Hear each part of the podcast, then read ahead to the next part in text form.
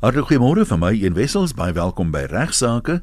Gereelde luisteraars sal weet ons het die vorige week of twee gesels met Johan Botus oor die arbeidsreg en dit is so 'n wye wye veld dat daar's nog sommer heel wat vrae van luisteraars en vrae van uh, Igna wat ons met Johan wil bespreek.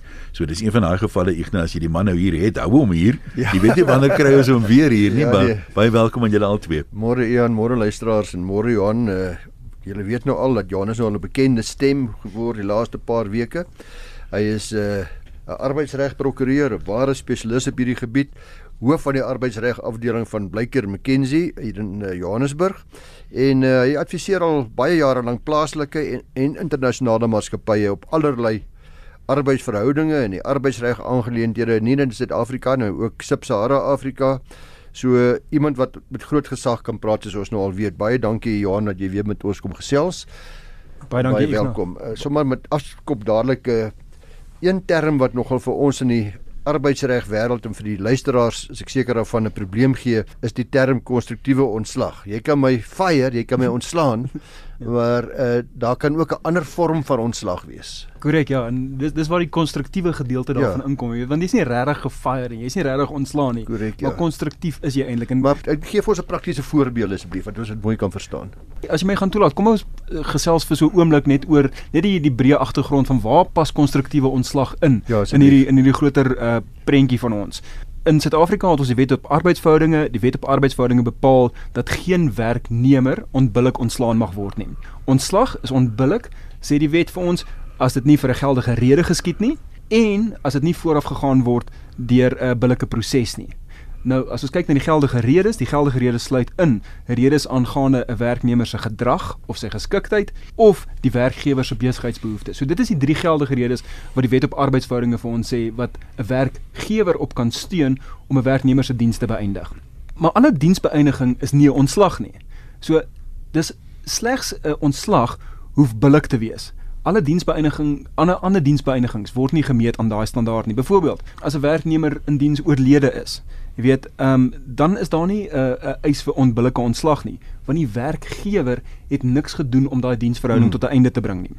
En soortgelyk, jy weet, as as as ek nou sou bedank, dan het ek as 'n reël nie 'n eis vir 'n uh, onbillike ontslag nie, want dit is nie my werkgewer wat die diensverhouding tot 'n einde gebring het nie. So wanneer die werkgewer daai diensverhouding tot 'n einde bring, moet die werkgewer een van daai drie geldige redes wat wat ons genoem het gebruik en dan moet 'n voorafgaande billike proses wees. So die die een uitsondering op hierdie reël is ehm um, die van konstruktiewe ontslag. Die rede daarvoor is want die die wetgewer ons howe aanvaar dat daar goed is wat die werkgewer kan doen wat voortgesette diens onuithoudbaar maak. En ons weet almal ons het al almal daai stories gehoor, weet van ek ek is nou in 'n posisie waar ek geforseer word om te bedank want jy maak dit vir my onuithoudbaar. So jy as my werkgewer dank my nie af nie, maar jy maak dit so moeilik vir my dat ek nie meer kan voortgaan met die met die diensverhouding. Kan ek jou nou vra, is dit hierdie net die werkgewer wat dit kan nou ook meerde werknemers maak of groepe ander groepe wat dit weer onaangenaam by die werk maak. Dis moet dit net die werkgewer wees. Dis dis 'n baie interessante vraag so waar daar ander groepe of ander probleme in die werksplek is um, moet die werknemer om suksesvol te wees met 'n konstruktiewe ontslag eis, daai gedrag kan toeken of toeëien aan die werkgewer. So as ek nou byvoorbeeld erg on, uh, ongelukkig voel oor wat my kollegas doen, kan ek nie my my werkgewer verantwoordelik hou vir die ehm um, vir die onuithoudbaarheid van die situasie wat daar is tensy ek dit onder die werkgewer se aandag bring. Jy moet 'n kans kry om dit reg te maak. Natuurlik. So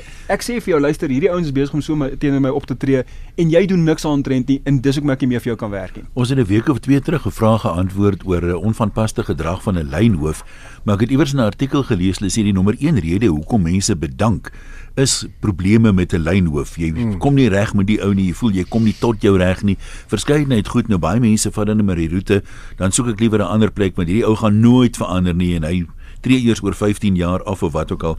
Baie mense het net nie die die wat die moed die regte woord is nie, maar die oortuiging dan nou om stappe te doen, gruwe prosedure, wat dit ook al mag wees by die werk nie. Stem dit ooreen met wat jy in die praktyk sien dat mense gereeld probleme met lynhoofde het? In, inderdaad, ek as jy net kyk die moderne werksplek, hoeveel tyd ons daar spandeer, jy weet, 18, 12 ure 'n dag ons spandeer meer tyd by die werk as wat ons saam met ons familie spandeer. Waar? Weet jy hoor die mense gebruik die terme van weet hierdie is my my my my work spouse, jy weet. Um, ek spandeer soveel tyd met uh, uh, iemand anders by die by die werk. Dit is soos, soos 'n tweede verhouding word. Ek het nou die dag die term frolic gehoor. Dis 'n kombinasie tussen friend en colleague. Eh, interessant ja. interessant die een, maar dit is ook aanduidend nou net van van hoe hoe noue verhouding daar by die werk is en wanneer daai verhouding skeef gaan, wanneer daai verhouding suur word, nê. Nee, dit is wanneer ons sien dat mense sê, "Maar luister, ek kan nie meer hier voortgaan nie. Is 'n baie lekker plek om hier te werk as 'n reël, maar ek kan nie meer saam met hierdie persoon werk nie." En ek het nou vir julle gesê, ek kan nie meer saam met hierdie ou werk nie. Julle doen niks aantrend nie. Dis kom ek sê as 'n maatskappy is julle nou verantwoordelik oor die feit dat ek nou nie meer wil werk nie. Nog 'n As 'n vraag mens, daaroor. ekskuus, ek nou net vinnig dit sê. As jy mense nou daarna kyk uit 'n oogpunt van menslike gedrag, dan kry jy baie keer dat mense trou met mekaar, beloof ewige trou, maar dan as hy huwelik begin verbrokkel, dan's daai mense die verneinigste met mekaar as dit kom by skikking en so aan. Dit dit amper of daai liefde en haat verander en ek wonder of 'n mens nie 'n verskyningsvorm daarvan kry as die verhouding nou versuur het dat mense raak spiteful nie. Ek sal jou wys, jy gaan nie met my dit doen nie, jy weet daai tipe ding. Ja, so. Johan die werksplek het nou onuithoudbaar geraak. Dis die woorde wat jy gebruik het uh, as gevolg van optrede deur gewoonlik die werkgewer of dan die ander groepe of ander werknemers. Maar wat van die geval waar ek sê, jy wat? Ek kan nou net nie meer hier werk nie want die kliënte is besig om my gek te maak. Ek kan hierdie groep kliënte nie hanteer nie. Jy het vir my gesê ek moet A maatskappy en B maatskappy moet is my kliënte wat ek moet hanteer, maar hulle is besig om vir my die lewe bitter onaangenaam te maak. So dit ook 'n uh, konstruktiewe ontslag moontlik daar kan stel. Ek ek dink dit is belangrik wanneer ons kyk na konstruktiewe ontslag. Ehm um, die onhoudbaarheid, daai is 'n baie hoë hekkie om te oorkom. Mm. Mm. Wanneer wanneer die hof kyk na het dit onhoudbaar vir jou geword. Weet, dan kyk ons nie net na was dit nie meer lekker by die werk gewees nie. Weet, was dit was dit onaangenaam gewees vir jou by tye? Stresvol. Ja. Hierdie is werk. weet ja. uh, wat wat 'n werk is 'n plesier, weet elke elke dag as jy werk toe gaan, jy weet. Ek weet nie van sulke van sulke uh, werksplekke nie. As ons gelukkig is, nee, as jy meeste van die tyd kry jy voldoening daarso en jy voel uh, uh, relatief of baie gelukkig. Maar enige werk het maar sy stresvolle oomblikke, sy 'n kliënt met wie jy regtig sal verkies om nie meer te te werk nie, 'n kollega of twee wat jy nie nou gaan oor na, na, na jou huis vir 'n braai oor die naweek nie. Hmm. So wanneer jy sê dit het onuithoudbaar vir my geword, dan kyk jy hof krities daarna en sê luister, is nie moeilik nie, dis nie stresvol nie, dis regtig ek kan nie nog 'n dag in hierdie plek aanbly nie. Ja, jy dan, hoef nie goeie vriende te wees nie, maar jy moet 'n respekvolle verhouding kan hê. Korrek, korrek. Jy weet so die hof aanvaar dat daar maar 'n bietjie gaan konflik wees. Weet inherent in hierdie diensverhouding is die feit dat um, werkgewers en werknemers het ander sienswyses. Werknemers as 'n groep weet onder mekaar sien dinge in verskillende maniere. So die hof aanvaar onomwonde dat daar altyd 'n mate van konflik in enige werksplek gaan wees. Maar wanneer dit onuithoudbaar raak, dan sê die, die wet vir jou, jy hoef nie meer daar te bly en as jou as jou werkgewer se skuld is dat hierdie onuithoudbaarheid daar is, dan het jy 'n skuldoorsaak. Miskien net f- om dit uh, saam te vat om dit makliker te maak want ons skryp hier en gryp hmm. daar uh, die toets wat ons howe neerlê opgesom vir konstruktiewe ontslag. Wat is dit? Ba baie goeie punt Ignas. So my advies aan enigiemand wat dink hulle wil nou bedank en konstruktiewe ontslag gaan eis. Jy moet mooi en krities kyk na wat is die toets wat die howe ga- na gaan kyk voordat hulle jou gelyk gaan gee dat jy wel konstruktief ontslaan is. So die eerste stap is natuurlik 'n baie praktiese een. Jy as werknemer moet bedank. As die werkgewer jou afdank, dan is dit nie meer konstruktiewe ontslag eis nie, dan is dit 'n ander vorm van van ontslag. So die eerste klein merkie wat jy moet maak is om te sê luister, ek het bedank. Die tweede ding is waar die hof kyk en sê was die bedanking as gevolg van die gedrag van die werkgewer. So wat is dit wat die werkgewer, die besigheid gedoen het om jou voortgesette diens onuithoudbaar te maak? So om terug te kom na jou punt van die hmm. van die kliënt toe Ignas. Ja. Weet die kliënt kan 'n ander uh, kan 'n ander probleem wees, maar dis nie noodwendig die werkgewer wat Verstaan. veroorsaak nie. Ja. Selfs met jou kollega. As jou kollega ongelukkig uh, weet uh, of suur met jou is, weet, dis nie noodwendig die besigheid of die werkgewer wat dit gedoen het nie. En dan derdens, het die werkgewer se gedrag die voortsetting van daai diensverhouding onuithoudbaar gemaak. En laastens, was daar 'n geldige rede gewees vir die werkgewer se gedrag. So weer eens die hof aanvaar dat daar baie goed is wat in elke werksverhouding, elke diensverhouding kan gebeur waar die werknemer kan sê maar luister, dit wat jy as werkgewer doen, maak dit vir my onuithoudbaar. Maar die hof sê ook, daar's sekere goed wat 'n werkgewer maar net gaan doen wat wat dit moeilik gemaak vir werknemers en daar's geldige redes daarvoor. So byvoorbeeld, dit kan vir jou heeltemal onuithoudbaar word, die feit dat ek jou nie 'n bonus gee nie. Maar ek het 'n goeie rede hoekom ek jou nie bonus gee nie, want ek kan nie bekostig om vir enigiemand bonus te gee nie. So die die hof kan aanvaar dat luister in jou gedagtes, nê, het dit onuithoudbaar geword as gevolg van die feit dat jy nie 'n verhoging, bonus of enige ander voordeel gekry het nie, maar die werkgewer het 'n geldige rede gehad om dit nie vir jou te gee nie. In daai geval waar die werkgewer se gedrag nie, hmm. waar die werkgewer nie aanspreeklik is vir daai gedrag nie, dan kan daar nie 'n konstruktiewe ontslag uit. So die werknemer moet ook baie versigtig wees. Hy moet ook enige ander moontlike opsies eers oorweeg voor hy sommer net bedank. Dit is dit is 'n baie goeie punt, dis 'n baie goeie praktiese advies daai. Voordat voordat jy bedank, voordat jy nou sê luister, ek gaan na die KVBA toe en ek gaan my heil daarso ehm um, soek want hulle gaan my saamstem, nê. Nee. Wat is daar anders wat jy kan doen? Met wie anders kan jy nog gesels? Is daar enige vertoë wat jy kan rig? Is daar 'n gruwe prosedure wat jy kan volg? Nou ons um, ons reg het nie tot daai punt gegaan waar dit 'n uh, absolute voorvereiste word dat jy um, wel daai stappe moet neem en dat hierdie 'n measure of last resort moet wees. Hier moet regtig die laaste stappie wees wat jy neem, weet om hierdie situasie te probeer beredder nie. Maar as daar ander stappe is wat jy kan doen, jy weet in praktyk sou ek enige persoon aanraai, gaan doen dit eers. Gesels, maak vertoë, sien die hoofuitvoerende beampte as daar 'n uh, kloklei lyn is, gebruik die kloklei lyn en sê luister, ek is ongelukkig hier, so dit is wat gebeur in die werksplek. Niemand help my nie, ek kla, maar niemand kom tot my um, tot my hulp nie. Doen al daai stappe voordat jy bedank. Ons het nou 'n week of twee gelede bietjie oor seksuele teistering gepraat. Ek doen nou nie uh onverwags uh, hmm. vra vra die maar uh interessante een daar was die media 24 in Grobler. Jy ken die saak waarskynlik baie beter as ek. Vertel vertel 'n bietjie vir ons wat daar gebeur het. Ja, in, inderdaad, dit is seker nog steeds een van die van die klassieke sake wat seksuele teistering en die aanspreeklikheid van 'n werkgewer in die omstandighede van seksuele teistering aanbetref. In jy jy sal vir ehm um, oorlede Arthur de Kok nog onthou. Ja, baie goed. Nou Arthur was uh, in die in die 1989 het hy ehm um, die eerste gerapporteerde saak van seksuele teistering in die destydse nywerheidshof het hy daai uitspraak geskryf. En die die appelhof in Bloemfontein het in Media 24 versus Grobler uh, gedeeltes van daai uitspraak van hom aangehaal daar. En ek sou definitief aanraai vir enigiemand wat in daai veld is of wat met daai kwessie moet uh, moet worstel om daai uitspraak te gaan lees in J versus M.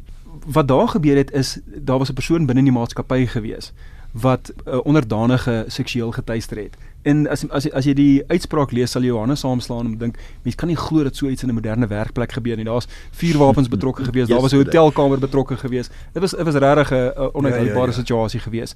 Ehm um, en wat die hof daar gesê het waar die klaagster die kwessie onder die werkgewer se aandag bring. Hmm. en die werkgewer nie daadwerklike stappe neem om daai situasie te verhoed te stop iets te doen aantrend nie. Kan die werkgewer aanspreeklik gehou word. En dit is waar ons wet is op die oomblik. Daar kan 'n konstruktiewe ontslag met ander woorde wees. En en nie nie net is eh, kan die werkgewer aanspreeklik gehou word vir die skade wat die werknemer ly nie. Die werknemer kan dan bedank en sê luister niemand kan vir my verwag dat ek onder hierdie omstandighede moet voortbly in hierdie werksplek nie.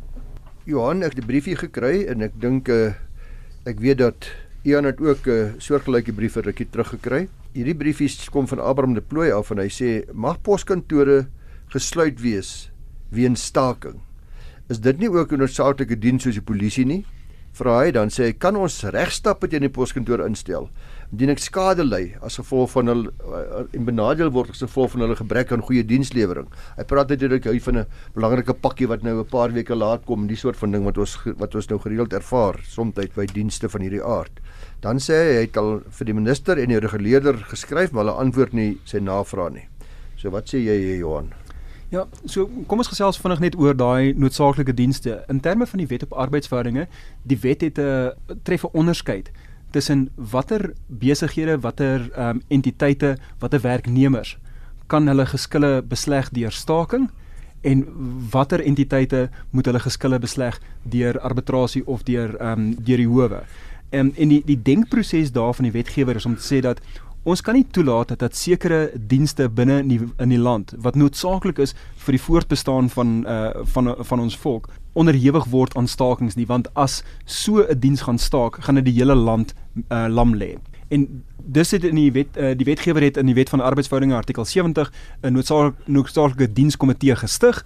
En indien jy as 'n besigheid of as 'n entiteit nou voel dat ehm um, jy is besig om 'n noodsaaklike diens te lewer kan jy vertoorig aan hierdie komitee. En die die komitee bestaan uit uh, lede van van die regering van besigheid en van van arbeid en hulle besluit dan sê ja, hierdie is 'n noodsaaklike diens of nee, dit is nie noodsaaklike diens nie. En wanneer hulle besluit dat dit wel 'n noodsaaklike diens is, dan sê hulle ehm um, wat hierdie diens aanbetref, hierdie poste binne hierdie diens in hierdie streek mag nie staak nie en hulle geskille moet besleg word deur arbitrasie. En dit is prakties wat gebeur. As jy kyk ja, na 'n ja. uh, entiteit soos Eskom byvoorbeeld, dan sê ons, jy weet Eskom, hierdie gedeelte van julle mense kan nie op staking gaan nie, want indien julle wel op staking gaan gaan, sit ons sonder elektrisiteit en dit is uh, problematies vir ons as 'n land.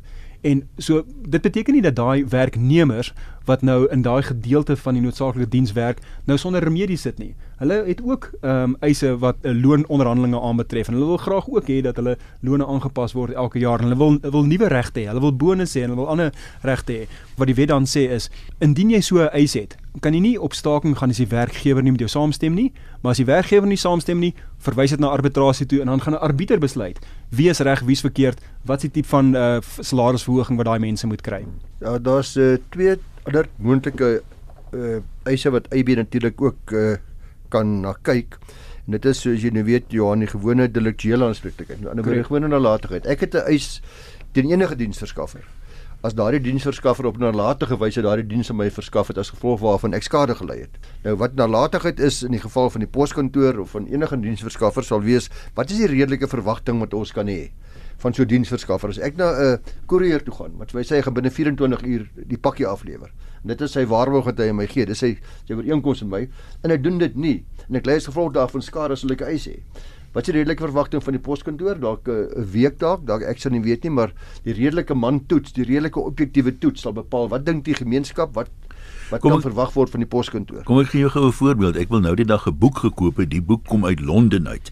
Nou aanlyn, jy gaan nou dan vul jy net jou adres en alles in en betaal jy met 'n kaart en dan het hulle 'n hele lys van lande wêreldwyd, maar 'n lange lys. Jy skrol af af af af af. Dan kom jy by S vir Suid-Afrika. Dan het jy Sudan daar. Een enige land, nie Suid-Afrika nie. Ja. Glad nie.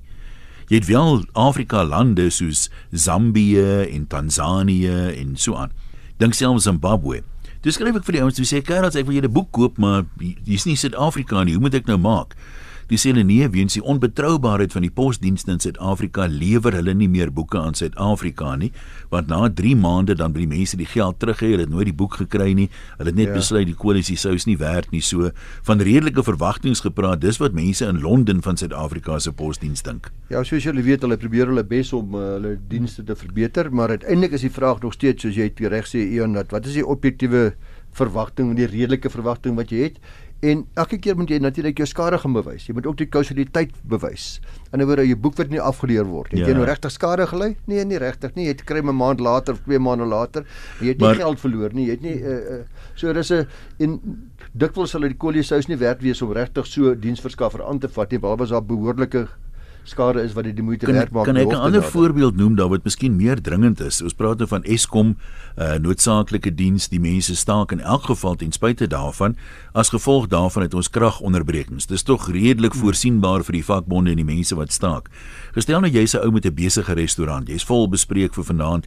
Dis 'n fine dining restaurant, weet R1000 'n kop wat ook al. So dis nie net 500 vir R1000, jy maak duisende op 'n aand. Jou reputasie is bespeel, jy's vol bespreek en hier gaan die krag nou af 5uur of 6uur vanaand. Jy kan die hele aand niemand bedien nie en jy verloor kom ons sê R50000 dit voel vir my asof dit moes tog voorsienbaar gewees het deur die vakbonde wat die mense aanmoedig om te staak. Jy moet iemand kan dagvaar. Ek weet nie weet dis moeilik om nou individuele stakers te dagvaar, maar kan jy Eskom dagvaar? Kan jy die vakbond dagvaar wat gesê het vir hulle lede kom ons staak al is dit 'n noodsaaklike diens? Dan moet tog een of ander meganisme wees waar jy kan hulp kry. Hmm inderdaad as ons kyk na 'n uh, relatiewe onlangse voorbeeld um, in in Kaapstad het ons as ek nie mis het nie was dit 'n 'n um, vervoerbedryf staking gewees wat nou so 'n paar jaar gelede plaasgevind het en toe het die die stadsraad die vakbond gedagvaar vir die skade wat hulle gelei het as gevolg van die optrede van die onregmatige en onwettige optrede van die van die stakers waar hulle ehm um, skade veroorsaak het aan besighede, hulle het vensters gebreek, hulle het asblikke omgegooi en regtig net gas veroorsaak in die in die werksplek. Wat die hof toe bevestig het as 'n beginsel is dat die vakbond verantwoordelik gehou kan word vir die optrede van hulle lede.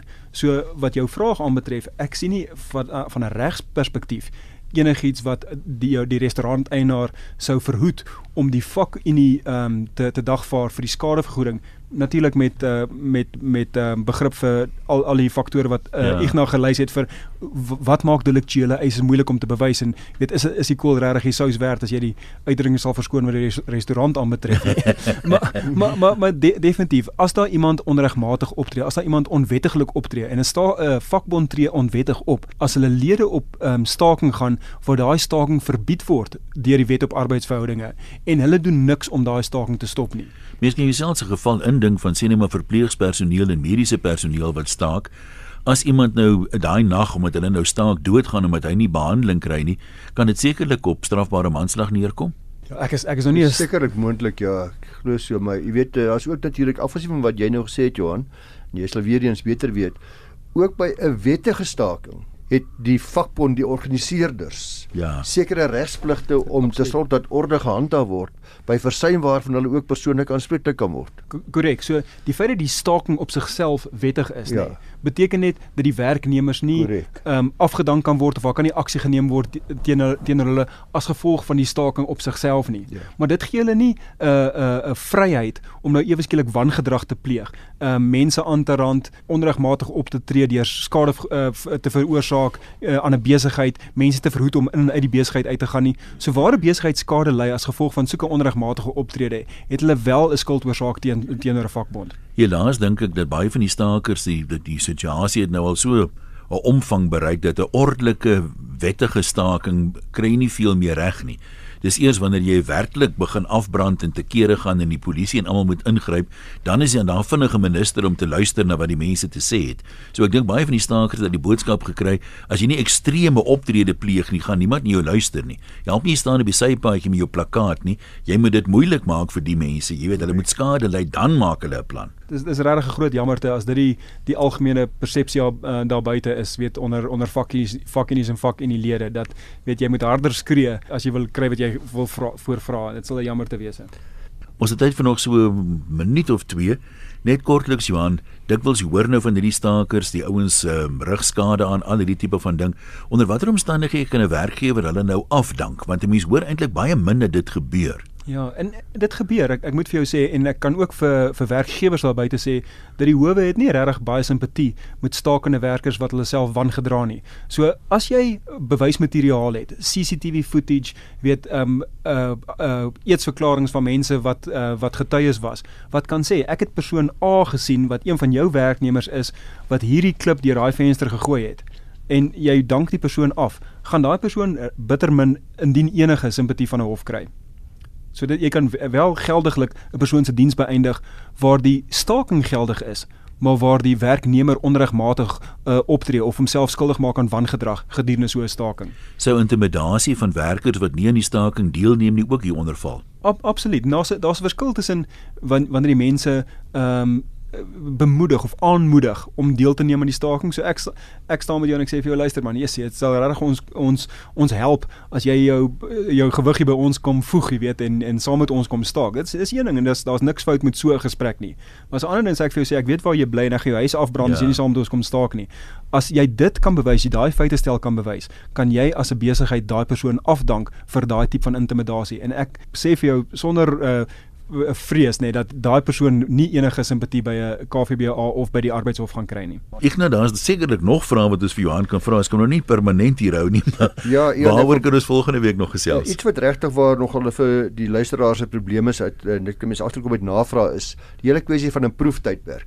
Hoe werk 'n ja. proeftydperk? Dan is daar uh, ook 'n kwessie van kan ek afgedank word uh, terwyl ek in ek met integriteit opgetree het? Ek praat nou van die whistleblowers en ander mense wat die regte ding doen en dan 'n probleem met die werkgewer kry. Skankel volgende week gerus weer in op regsaake en dan gesels ons verder.